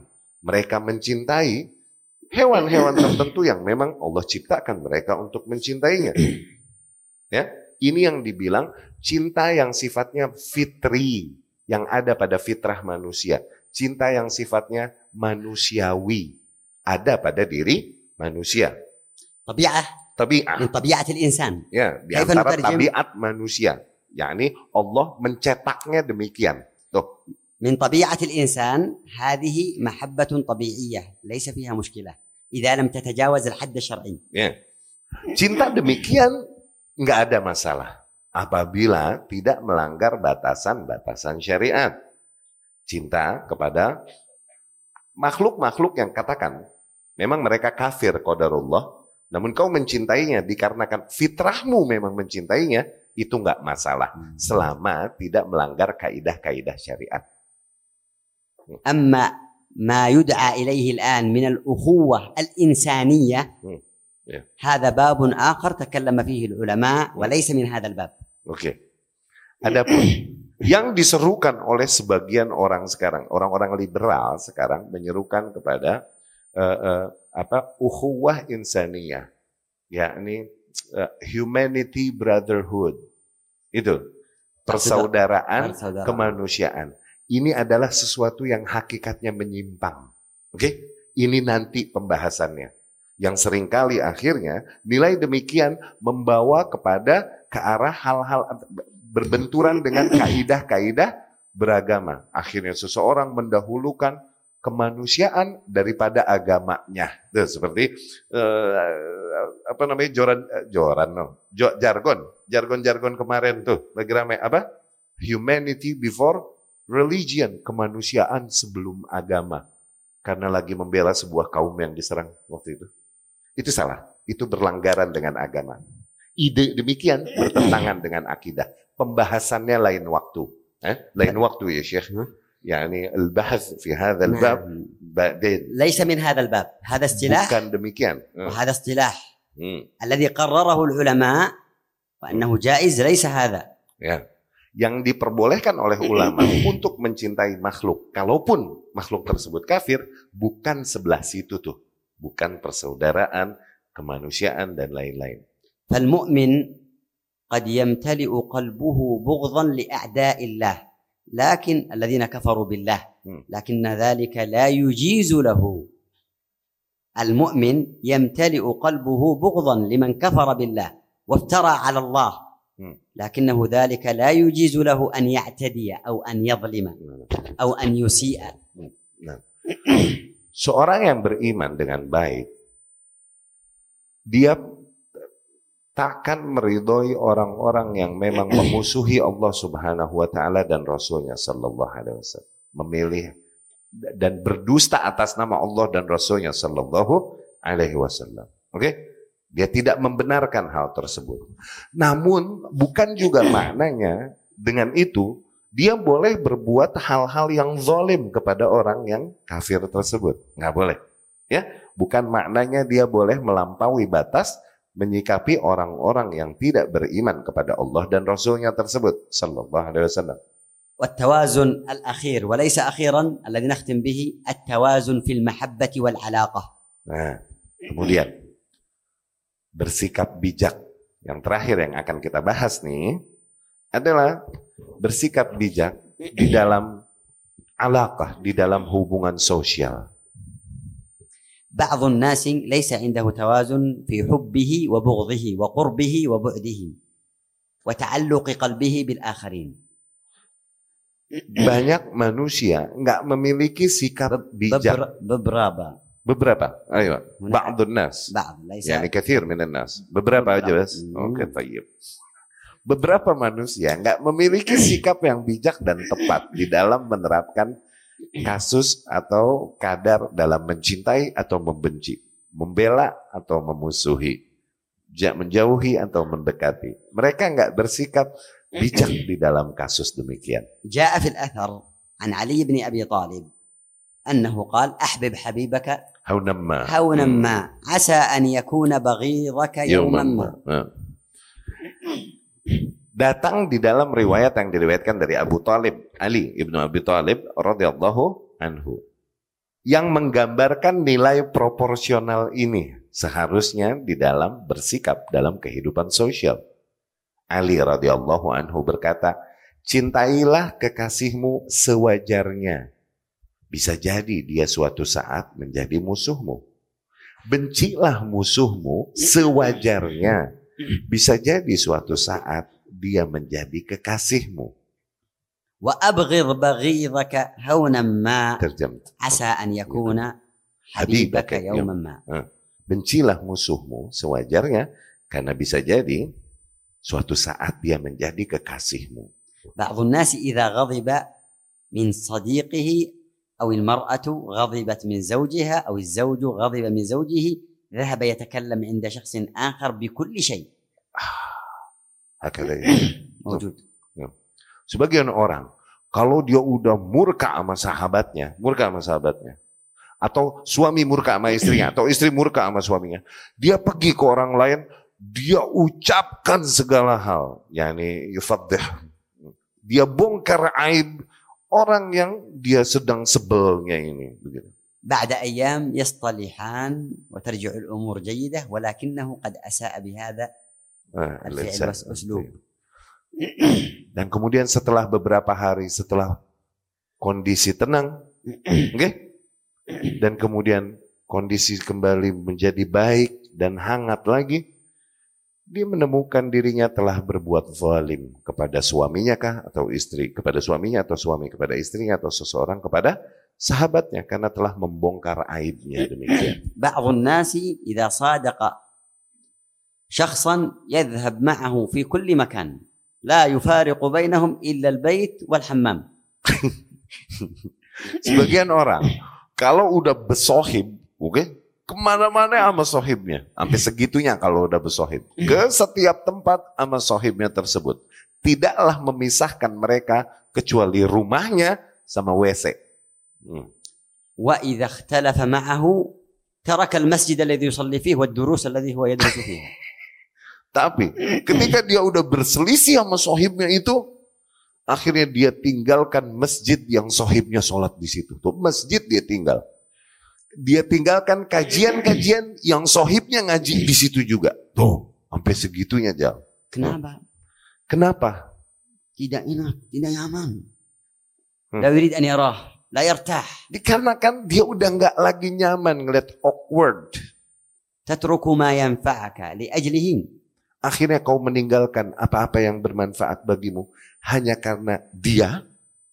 Ihris ala ma yanfa'uk Awas, fokus, upayakan hal-hal yang mendatangkan manfaat bagimu. الحب الزائد يرجع إلى البغض الزائد Niscaya cinta yang hulu, yang berlebihan akan membawa kepada benci yang berlebihan. وبعض البغض يفسد العلاقة فسادا لا يمكن إصلاحها Dan sebagian kadar kebencian ini bisa-bisa merusak hubungan sampai level rusak yang udah nggak mungkin dibenerin lagi. nasi sudah menjadi bubur Tuh, nasi udah jadi lemper, buat jadi bubur.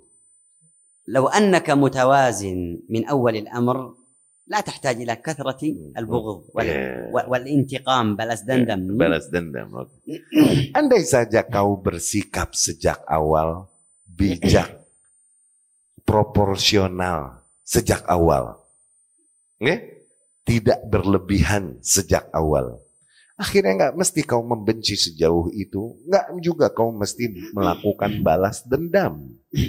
بعض الناس صارت أمه تعرفه وتحذره يا ابني أنت إذا صادقت أحدا بعد أيام أنت وإياه مشكلة كبيرة لأنها تعرف كيف أسلوبه في المعاملة والعلاقة Dan وتنتظر متى ستحصل المشكلة والفراق الكبير hatta umur. أمه تعرف طبيعته Betul. وكل يوم هي تخاف منه Begitu noh.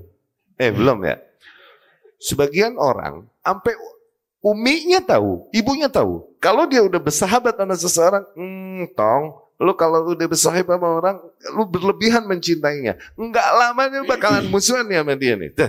Sampai ibunya nungguin kapan nih bom waktunya meledak, kapan nih bom waktunya, sampai segitunya. Saking ibunya faham nih kebiasaan anaknya. Ketika mencintai berlebihan, ketika bermusuhan berlebihan, begitu. ممن بقيتوا Begitu. يا نسأل الله بمنه وكرمه أن يرزقنا الاعتدال يا. والتوسط والتوازن الذي يرضاه لنا Kita memohon kepada Allah Subhanahu wa taala. Semoga Allah berikan kepada kita taufik untuk senantiasa bersikap bijak, bersikap seimbang, bersikap proporsional dalam bentuk yang diridhoi oleh Allah Subhanahu wa taala bagi kita. Wa an yarzuqana al-'adla wal insaf alladhi yunajjina fi dhalika al-yawm al-'azim. Dan semoga Allah berikan kita taufik untuk senantiasa bersikap adil, bersikap fair, yang dengan itu kita berharap ganjaran di sisi Allah Subhanahu wa taala di hari yang besar nanti. Wa an yaj'alana al-haq ma'al muhibbi wal mubghid.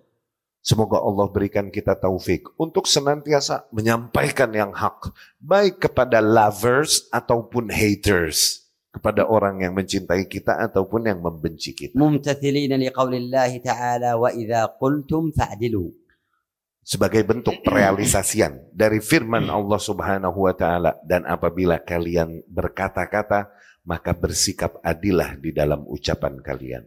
Wa qawlihi ta'ala wa la yajrimannakum syana'anu qaumin ala alla ta'dilu i'dilu huwa nah, aqrabu. Dan sebagai bentuk realisasian firman Allah Subhanahu wa taala. Dan janganlah kezoliman yang dilakukan sebagian kaum kepadamu membuatmu bersikap tidak adil kepada mereka. Berbuat adillah. Sungguh itu jauh lebih dekat kepada nilai ketakwaan. وأعتذر إليكم عن الإطالة وجزاكم الله خيرا على حسن استماعكم وإنصاتكم وبارك الله فيكم Nah, aku memohon maaf dari panjangnya waktu perkuliahan ini Dan eh, aku bersyukur, aku berterima kasih pada kalian atas perhatian yang telah kalian berikan dan kehadiran kalian di sini semua. Alhamdulillah kajian telah diselesaikan oleh Syekh. Antum puas? Antum puas? Ente puas? Eh, puas loh. Sa saya titik-titik. Saya titik-titik. Saya titik-titik. Belum ngomong. Yani al-ghaz. Syekh suka kasih teka-teki. Barakallahu fiikum. Barakallahu fikum. Alhamdulillah uh, Syekh Ali Hafizahullah telah menyampaikan perkuliahannya kepada kita. Perkuliahan yang sangat bermanfaat insya Allah buat nilai yang menjadi bekal bagi kita untuk menjalani kehidupan dan permasalahan sehari-hari yang kita hadapi di dalam kehidupan insya Allah. Kebanggaan, kehormatan besar buat kita ke, dengan keberadaan Syekh Ali di sini bersama kita bersama Ustaz Askari juga syaraf lana ya Syekh wujudkum ziaratkum wa Syekh Ali wa akhuna Abu Zaid bersama kita di sini semua. Semoga Allah Subhanahu wa taala menjaga hubungan baik kita. Dan kemudian insya Allah di hari-hari yang akan datang kita akan mohon kepada Syekh Ali untuk rutin ke sini berbagi ilmunya kajian-kajiannya apabila Allah Subhanahu wa taala izinkan Semoga Allah memberikan manfaat kepada pembicara dan kepada para pendengar dan kepada penerjemah juga. Aku lu qauli hadza wa astaghfirullah li wa lakum subhanakallahumma wa bihamdika asyhadu an la ilaha illa anta astaghfiruka wa atubu ilaik. Assalamualaikum warahmatullahi wabarakatuh.